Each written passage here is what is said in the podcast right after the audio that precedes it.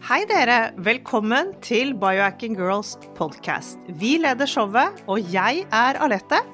Og jeg er Monica. Vi er gode venner og kolleger, og vi legger sammen våre erfaringer og kunnskap for å inspirere deg til å bli din egen biohacker og optimalisere livet ditt. Vi følger med på ny forskning og trender, og stiller de spørsmålene vi mener er nødvendige. Ja, vi deler informasjon om biohacking, life coaching og fitness, og vi håper at du vil føle deg inspirert og klar til å ta et tak for å komme i den beste helsemessige form. Velkommen til Biohacking Girls podcast.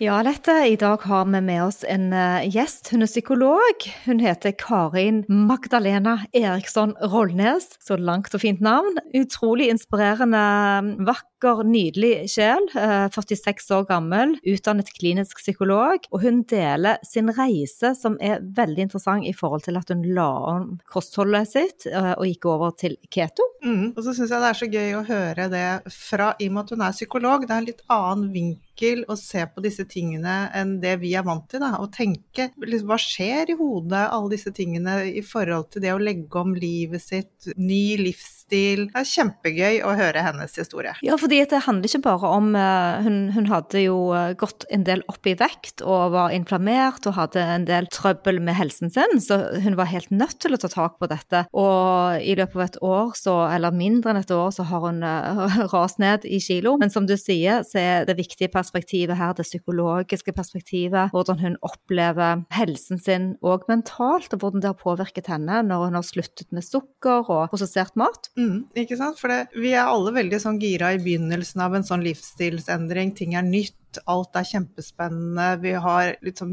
boost av det, og så går tiden. Og så er det jo en grunn til at alle slutter med sine, kall det dietter eller livsstilsendringer. At man raser tilbake igjen. Så det var veldig gøy å spørre henne om hva som egentlig skjer oppi hodet, og hva hun har gjort da, for å klare å holde dette nå snart et år. Og hun virket jo ikke som hun var i ferd med å gi seg, for å si det sånn. Hun hadde jo bare positive ja, ting som skjedde i hodet hennes. Så det var veldig gøy å høre på. Veldig, veldig gøy, som du sier. Og jeg tror òg at uh, du har da uh, en kategori mennesker som vi kaller for first timers. Når de da går inn på en diett, så virker den.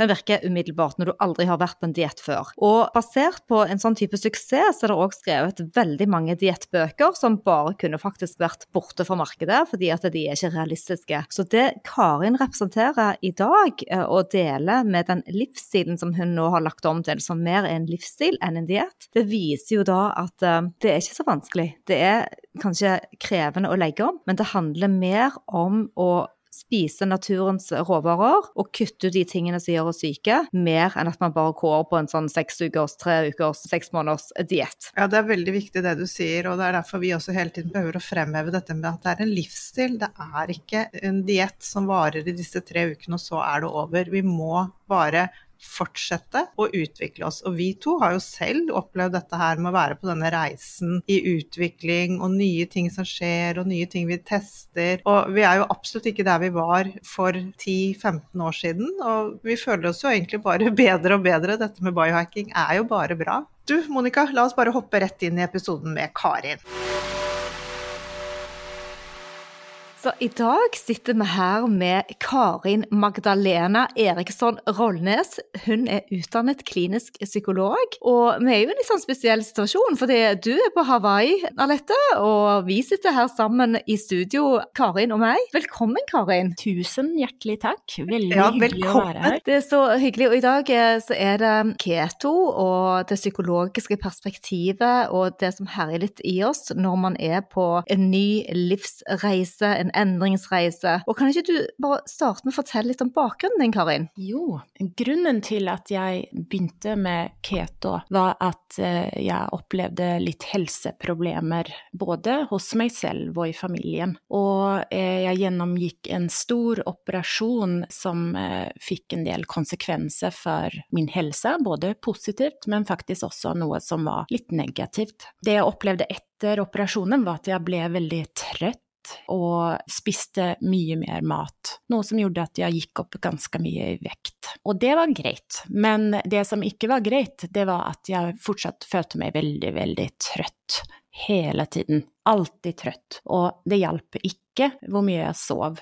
Jeg følte meg ikke deprimert eller noe sånt, men jeg var veldig, veldig trøtt. Og da, man, da fyller man på da, med mat, ikke sant. Man tenker at man, eh, mat gir energi, og jeg begynte å spise mer og mer og mer. Og jeg la også merke til at jeg fortsatt var sulten etter at jeg hadde spist mye mat. Noe som jeg har, i ettertid har skjønt kan være et tegn på at eh, man har litt problemer med insulin. Hva, hva, slags type mat sverget du til da? For jeg er jo enig i at uh, man tror intuitivt at det, det, er maten som skal hjelpe oss, kanskje òg uh, til og med mye carbs som skal hjelpe oss å få den energien som man mangler. Jeg spiste nok uh, ganske variert, men mye karbohydrater, som, som de aller fleste nordmenn gjør.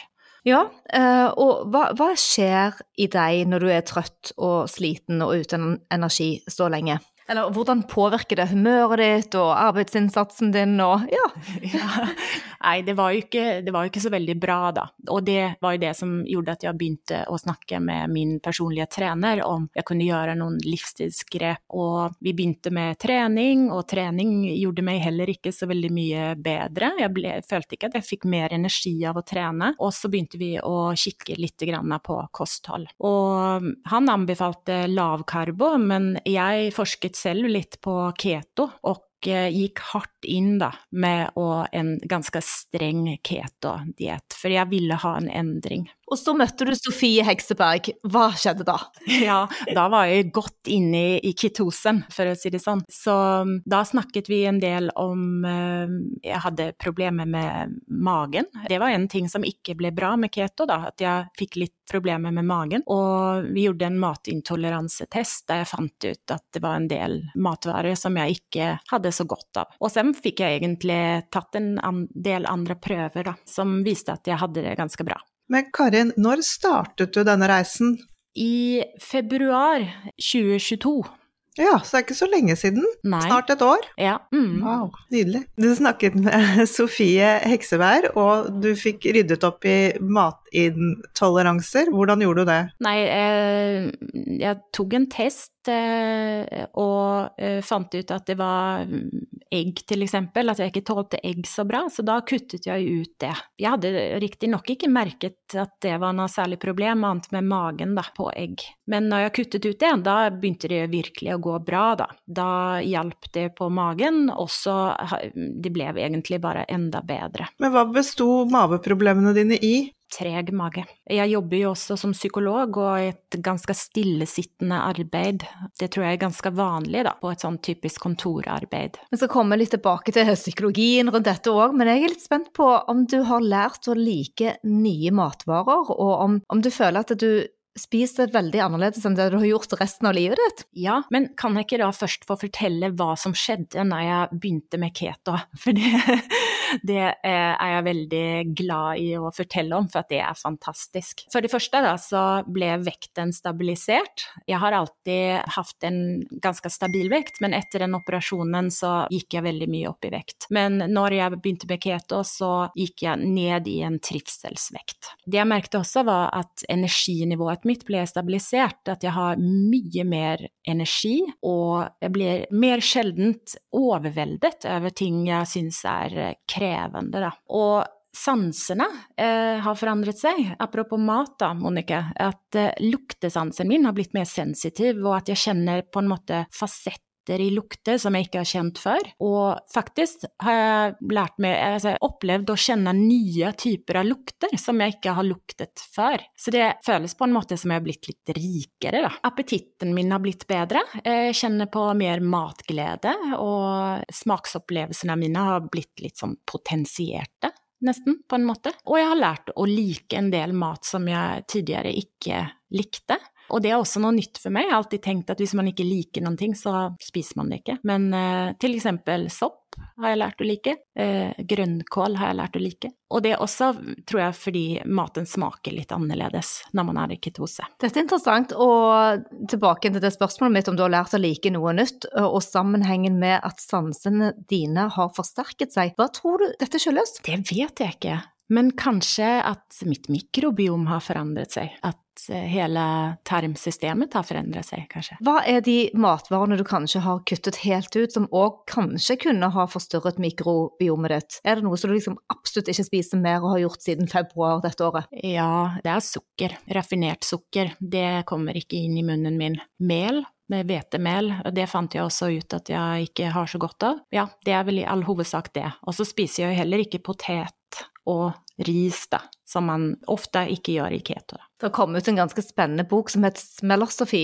tror jeg den heter. Etter, altså I kjølvannet eller rundt covid-tiden så har mange lest den boken, for det er jo veldig mange som har forstyrret sine lukte- og smaksopplevelser etter et virus. Og jeg syns det er så utrolig eh, lærerikt å høre at du har faktisk forstyrret i en positiv retning, da. At du har fått mer av det som man intuitivt trenger. Har det påvirket deg sånn humørmessig òg? Jeg bare tenker litt på smaksopplevelsene, at de må jo være så mer fullendte. Ja, eh, og det er nok enda mer enn bare smaks- eller sansendringen da, som gjør det at humøret mitt er mer stabilt på keto. Det tror jeg har å gjøre med blodsukkernivåene, at blodsukkernivåene er mer stabile. Jeg har prøvd å se litt på forskningen på det, og, og det er en del spørsmål rundt det, om et stabilt blodsukker også kan påvirke stemningsleiet ditt, så at du får mindre humørsvingninger og blir mer sjelden, som jeg har opplevd, overveldet enn tidligere. Men en annen ting som dere er rent kognitive, da, det konsentrasjonsmessige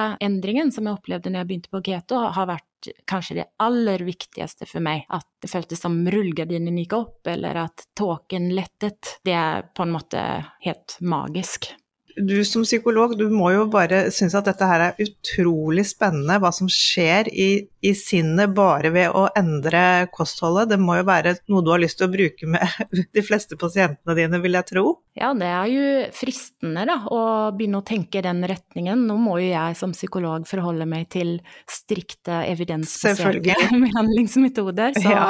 jeg er vel ikke helt der ennå, men det er absolutt noen ting som jeg er interessert i å utforske videre i framtiden, da. Men jeg er ikke ferdig helt ennå med min smørbrødliste, for det kommer enda mer. Jeg vet. Jeg har nemlig hatt plantarfasitt i hælene mine, og det er en type skade på, i fasciaen, eh, altså bindevevet som sitter, tror det er under musklene. Og jeg har hatt plager med det i mange år. Og eh, de skadene blir jo ikke borte, men etter at jeg begynte på keto, så har det leget mye fortere da, når jeg river opp i det. Så det kan virke som om jeg har mindre inflammasjon i kroppen. Det var akkurat mitt, min tanke òg, at eh, inflammasjonen dempes da når du slutter med den prosesserte maten og det sukkeret som du ikke har i kroppen din lenger, og du får en mer balanse i mikrobiom, og det vil du òg kjenne da på smerter. Og det opplever både vi og flere vi kjenner som, eh, som da kutter ut en del av de prosesserte. Man trenger ikke nødvendigvis å være på keto, man kan gå en lavkarbovei, men at generell smertetilstand blir bedre. Så det føler du på en måte er kurert nå, eller har du fremdeles litt vondt under føttene dine? Nei, den skaden som er der, den tror jeg den er ikke mulig å reversere, tror jeg. Eller jeg vet ikke. Kanskje den er det. Men eh, det er tydelig da at sånne Når jeg anstrenger kroppen min, eller kanskje bruker musklene mine eller leddene mine på en måte, så reparerer kroppen fortere, virker det som. Når du ser tilbake et år der du var, Karin, i jobben din som psykolog og som eh, medmenneske og ja, familieperson, og ser hva som har skjedd på de ti-elleve månedene hva tenker du da? Klarer du å se for deg hvordan du hadde det, og hvordan du har det nå? Oi, ja, jeg har fått et helt nytt liv på mange måter. Og jeg, jeg, tror ikke det er placebo. Jeg kjenner mye mer håp uh, om endring nå enn jeg gjorde da, og det sprer seg også i andre områder i livet mitt. Og det beste av alt er at jeg har fått et nytt interesseområde. Dette handler jo ikke bare om keto lenger for meg, det handler jo om livsstil og biohacking generelt, at, at det er en helt ny verden som har åpnet seg for meg, som jeg syns er veldig spennende å bruke på den kunnskapen jeg allerede har om psykologi. Da. Men eh, Karin, hva legger du i en ketogen livsstil? Hva spiser du personlig for deg? Hvordan ser en dag ut? Oi, ja. Det, det har jo vært veldig forskjellig. Ja. Eh, jeg begynte jo på en veldig sånn tradisjonell ketodiett. Hva var det? Det Oi, hva var det? Jeg spiste egg og brokkoli, de tingene jeg fant ut at jeg ikke tålte, til frokost. Eh, kanskje litt sopp og asparagus. Da, på den tiden så spiste jeg ganger om, eh, tre ganger om dagen, da. Nå har jeg begynt med eh, 16-8 fasting, så nå spiser jeg innenfor et åtte timers vindu. Og sen spiste jeg som vanlig mat. Altså, vi har en matleverandør som Eller matkasse hjemme, så jeg spiste det familien min spiste, eh, men bare da eh, kuttet ut potetene og risen og det som det var mye karbohydrater i, og så kanskje jeg kompletterte med litt eh, lavkarbomat. Mm. Ja, for det, det, er jo sånn de fleste starter, og så utvikler jo denne dietten seg for det som passer til deg. Det høres ut som du har virkelig gått inn i det og tatt og følt på de tingene. Så det var det jeg skal også spørre deg litt om det med faste.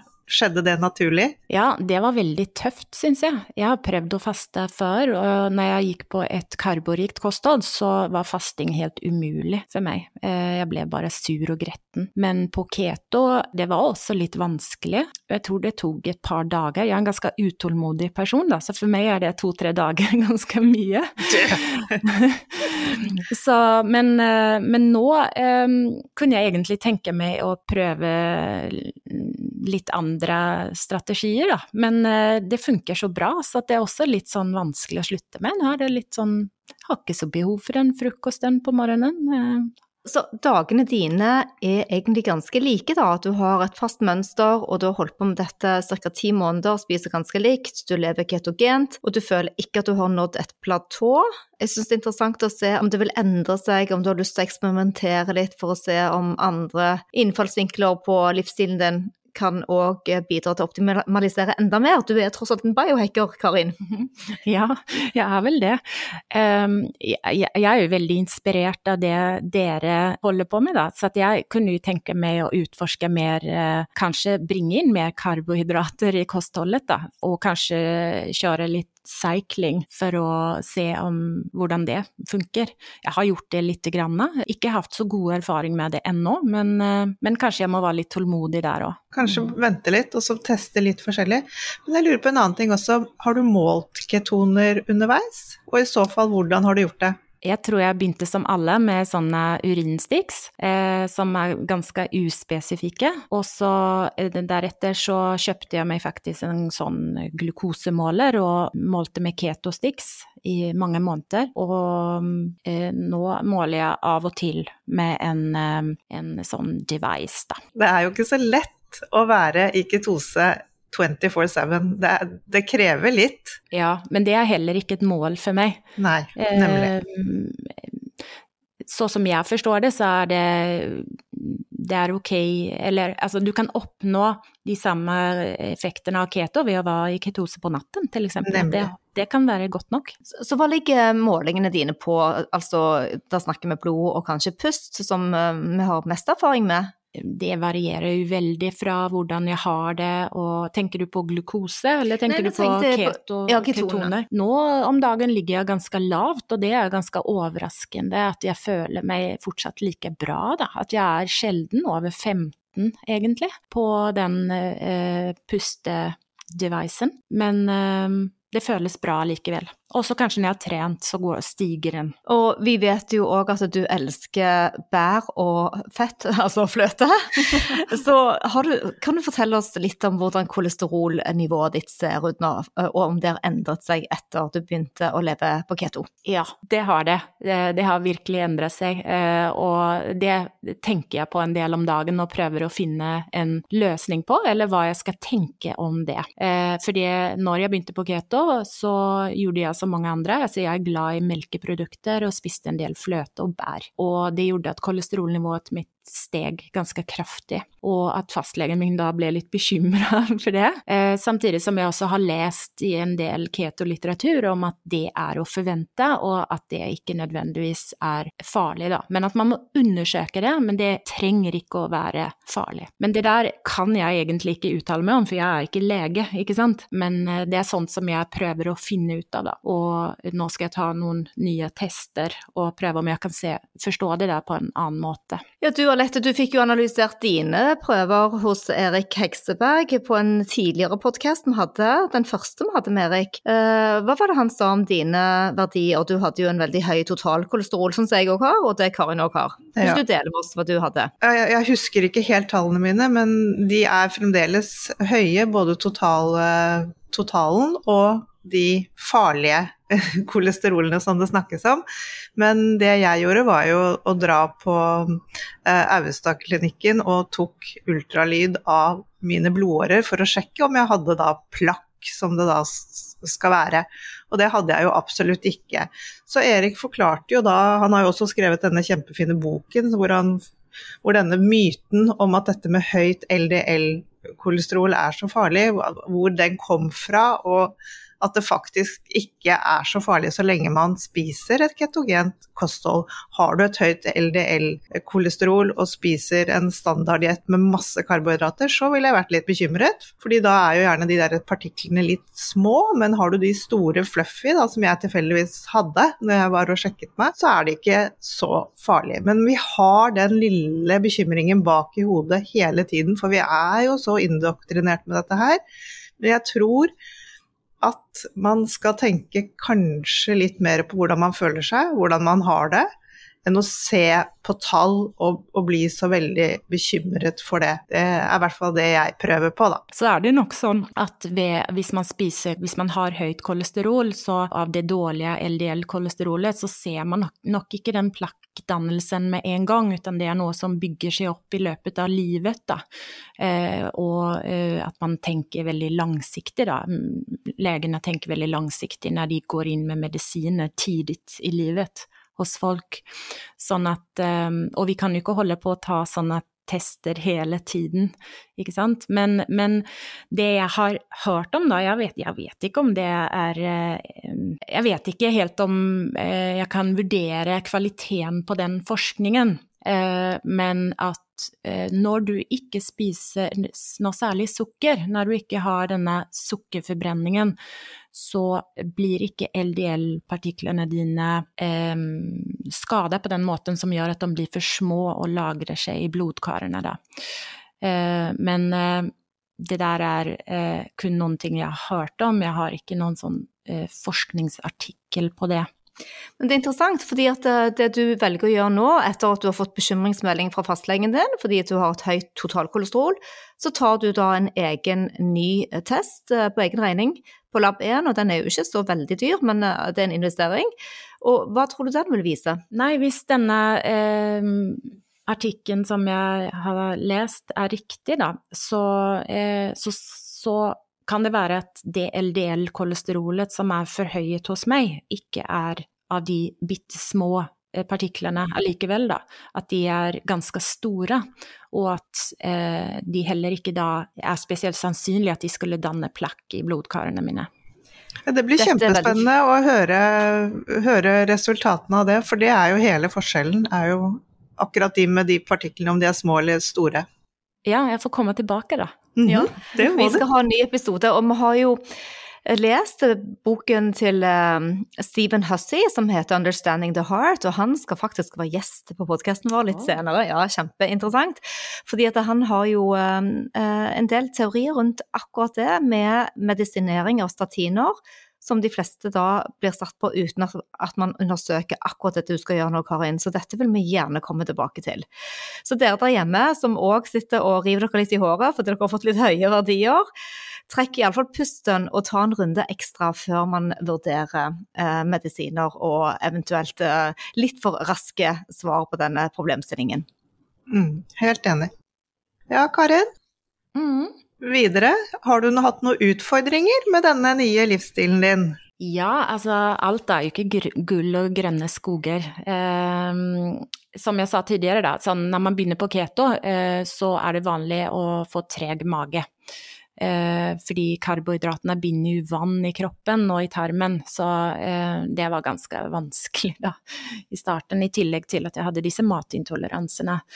Men eh, det har jeg løst da med å Eller jeg har funnet ut en løsning på det, og det er eplesidervineger. Det hjelper meg veldig godt. Det tar jeg hver dag, enten drikker det eller tar det i kapsler. og tilfører elektrolytter. Og en annen ting som eh, Jeg vet ikke om det hadde med ketoen å gjøre, men eh, jeg mistet en del hår etter noen måneder i, ket, i ketoseperioden. Der det var Men jeg vet egentlig ikke om det var fordi jeg gikk ned i vekt. Det er jo vanlig også når du går ned i vekt at du mister mye hår. Det har ikke vært noe særlig problem for meg, for jeg har mye hår fra før av, men hvis man ikke har det, så er det kanskje noe man kan være obs på, da. Men har det stoppet nå? Ja, det har stoppet nå. Mm. så nå kommer alle småhårene tilbake. Ikke sant? Ja. ja, ja. en ting som jeg ikke tror var så bra, det var at jeg mistet mye muskler, tror jeg, oh. når jeg gikk ned i vekt. Og det tror jeg man skal tenke nøye på om man eh, begynner med keto og raser ned i vekt, at man må ta det litt forsiktig. Eh, jeg tror ikke jeg eh, kanskje gjorde det, jeg gikk kanskje litt for fort ned. Stabiliserte vekten, da. Så mm, nå må jeg bygge opp musklene igjen, og det er litt hardt. Men du trener? Ja, nå trener jeg. Ja, veldig bra. Mm. Hvordan har det vært, jeg tenker på med barna dine og mannen din, hvordan har familielivet blitt eh, etter at du måtte, eller la om, da? Eh, det har blitt mye bedre, fordi mamma har mye mer energi. Eh, og de er nok veldig glade for at jeg har gjort en endring for meg selv, og syns det er inspirerende. Det er jeg ganske sikker på.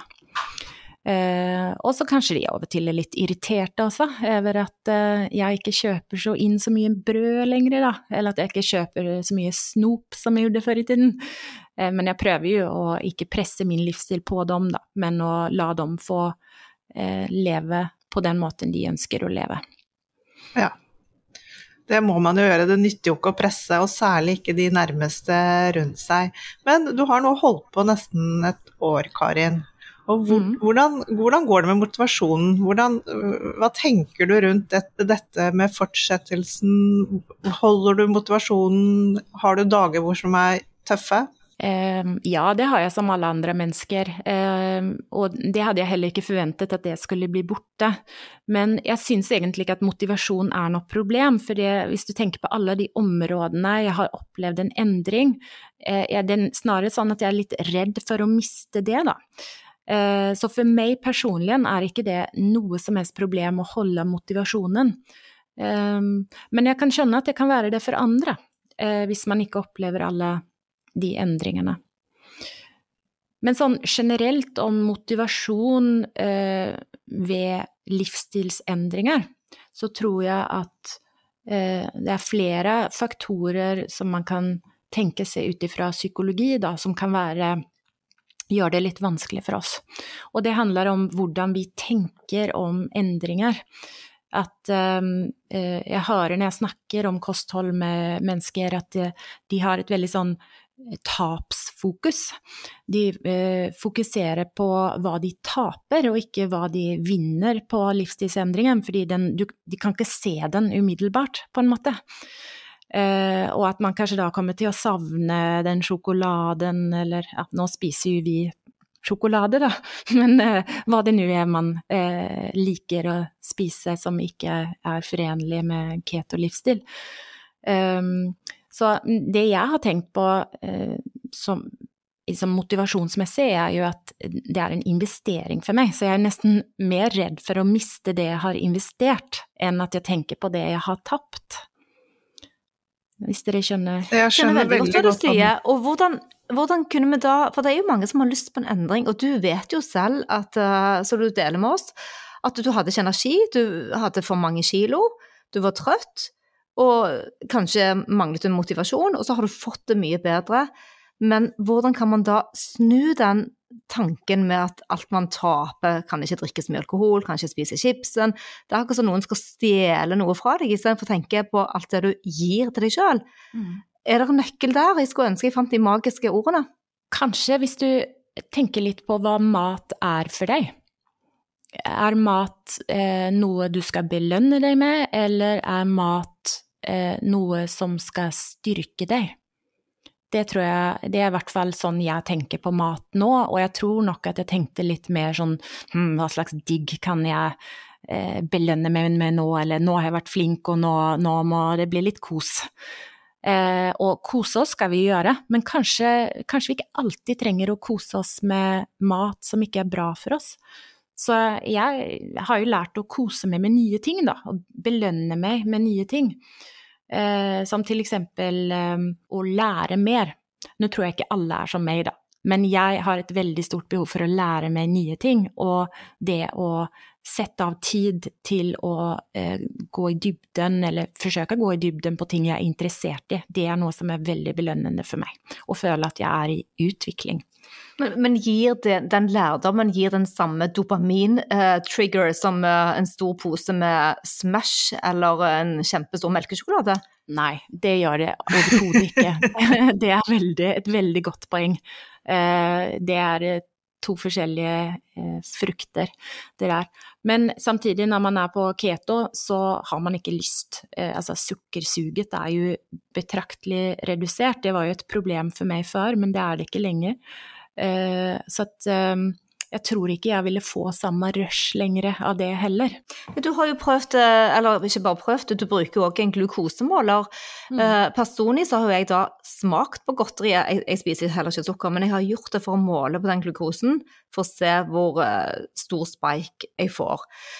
Og det, det, er ikke det at spiken var så stor, men den fysiske følelsen hos meg Altså, jeg følte meg nesten syk av to-tre sånne selvlysende ting.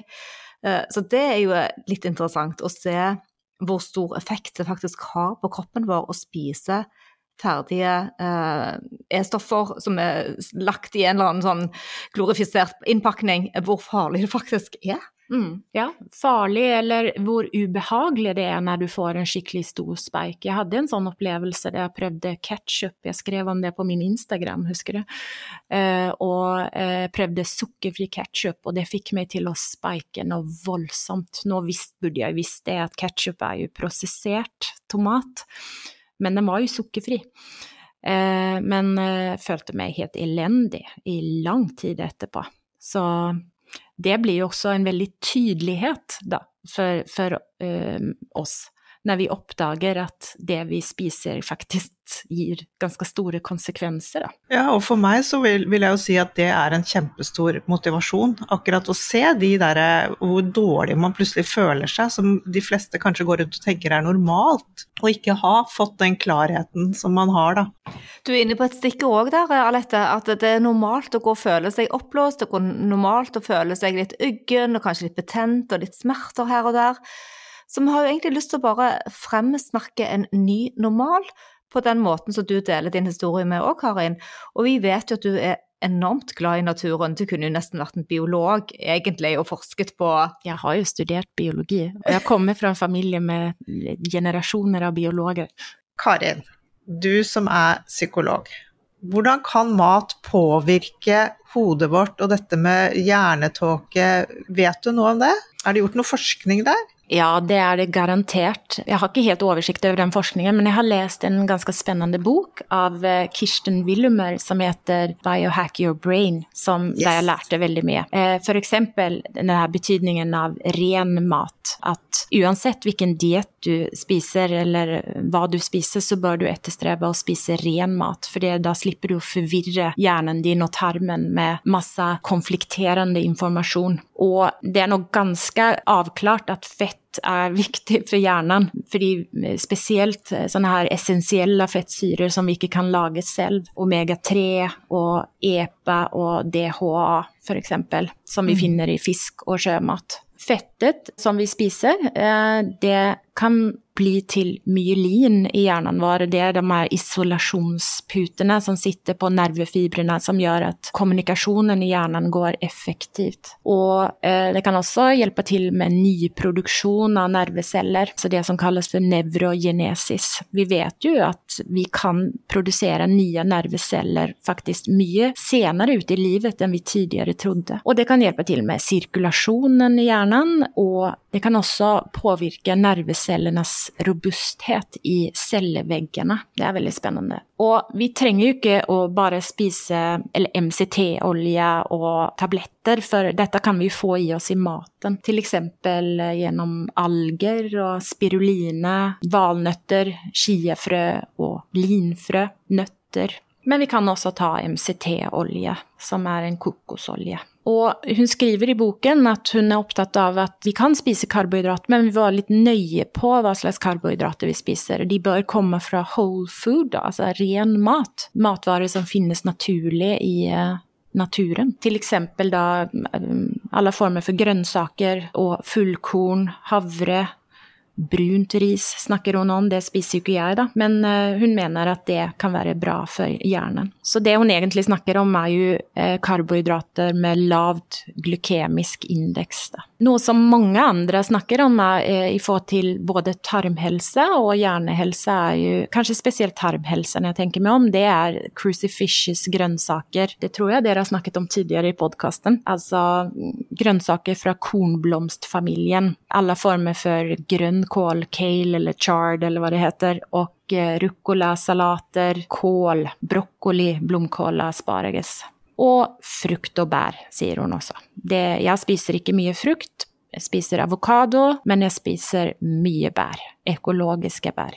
Og i et kapittel så skriver hun om denne gut-brain-aksen, som er veldig spennende. For man har begynt å tenke mer på den sammenheng mellom tarmen og hjernen. At det som skjer i tarmen kan signalere eller sende signaler opp til hjernen, og at det kan bety ganske mye hva vi putter i tarmen, eller hva vi eter, og det kan påvirke mikrobiomet vårt på et positivt eller et negativt sett. Så um, hun anbefaler eh, f.eks. Eh, alle former for fermentert mat, da, som kefir, kimchi, sauerkraut Altså matvarer som virker litt korrigerende på mikrobiomet. Og jeg klarer fortsatt ikke å spise sauerkraut, da. Men, Nei, men jeg har håp om at jeg skal lære å like det også.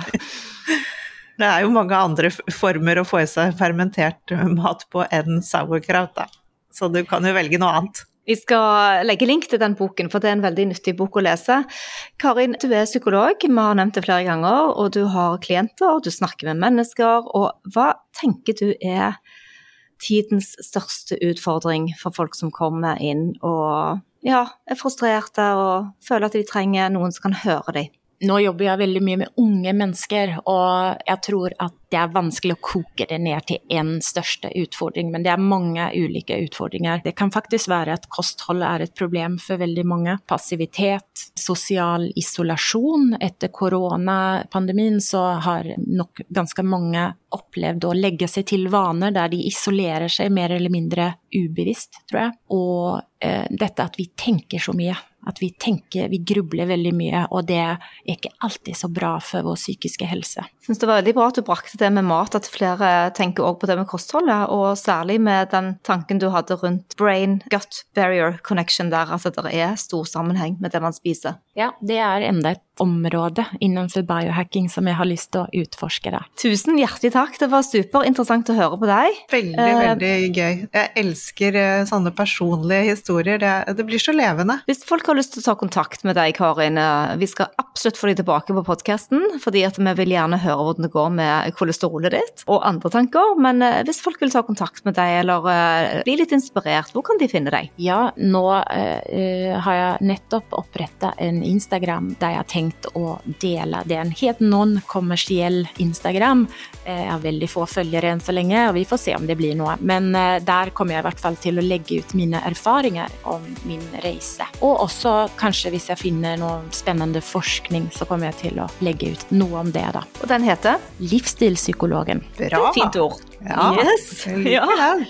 ja, ikke sant? For da får du både psykologi, og du får den eh, gode kostholdsreisen din inn i livene våre, og, og lese inspirasjon. Det er kjempenyttig. Tusen takk, Karin. Det har vært kjempe, kjempehyggelig å ha deg som gjest på podkasten vår. Tusen takk for at jeg fikk lov å være med. Så må du ha en fortsatt eh, fin eh, førjulstid, og da ønsker vi bare alle sammen der hjemme en ordentlig fin uke. Trekk pusten, les litt på ingredienser, velg bort noen matvarer, ta en tur eh, ut i naturen og noe sånt, ikke sant? Yes, det gjør vi. Absolutt. og Happy, Happy biohacking!